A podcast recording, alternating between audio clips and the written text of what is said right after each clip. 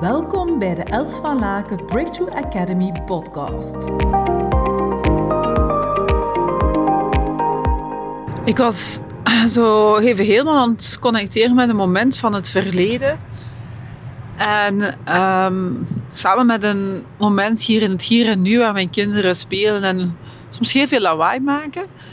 En dan was ik mij aan het afvragen, hmm, was dat nu eigenlijk ook bij ons zo thuis of voor of niet? En ik realiseerde me eigenlijk van, ja, wij waren eigenlijk met vier thuis. Ik had een kleinere zus van twee jaar jonger, een oudere zus van vijf jaar en een half ouder. En een broer van elf jaar ouder. En ik kan me bijna eigenlijk geen momenten echt terughalen. Uh, waar we echt zo ja, bulderen van lachen. Ja, ik herinner me wel zo'n paar momenten van monopolie, maar voor de rest eigenlijk niet echt. Waarbij dat ik zo mij tot besef komt dat, dat ik eigenlijk mij eigenlijk heel veel, en ik, zei dat ook heel veel tegen mezelf, ik voelde me echt heel vaak gewoon helemaal alleen. En ik was mij aan het afvragen, juist, hoe kan dat nu in een, in een gezin waar dat er vier kinderen waren? Hoe kan je je daar dan alleen voelen?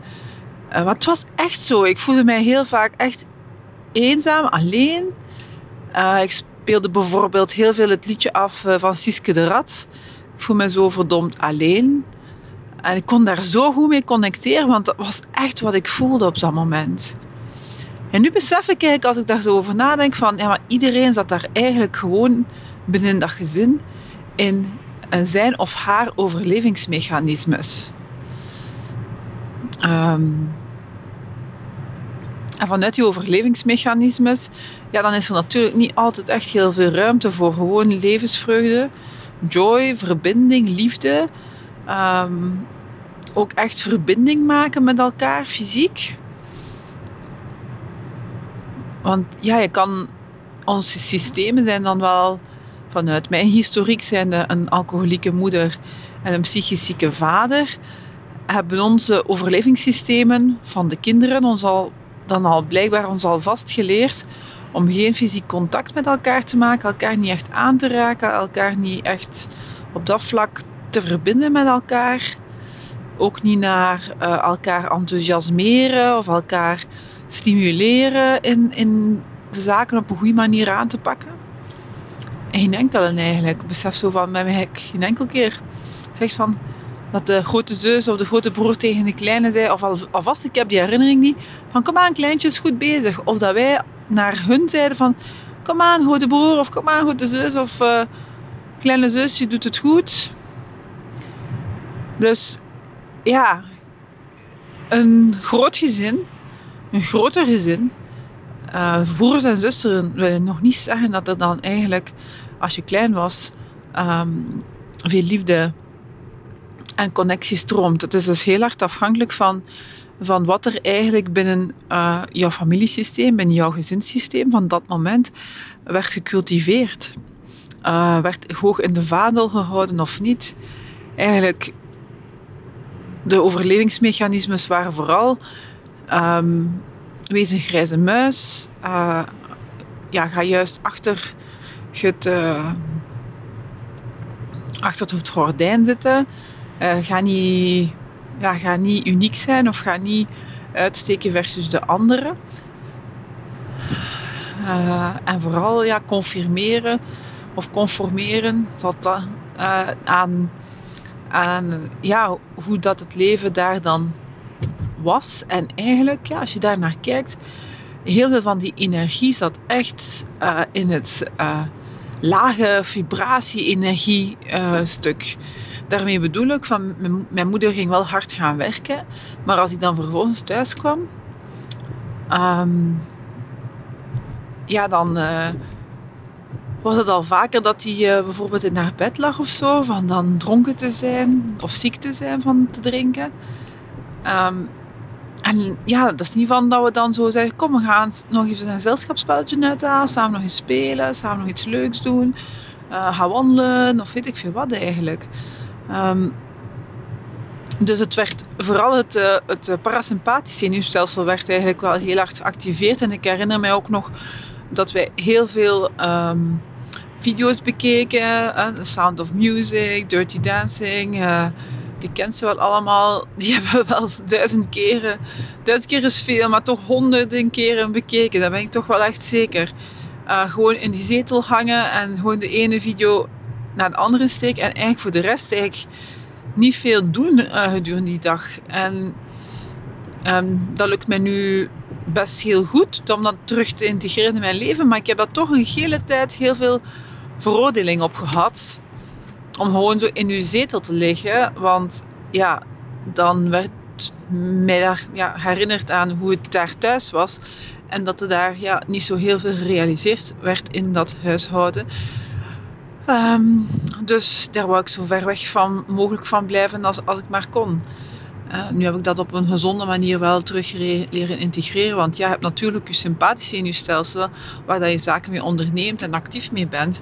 Uh, maar ook je parasympathische zenuwstelsel moet ja, tot rust kunnen komen.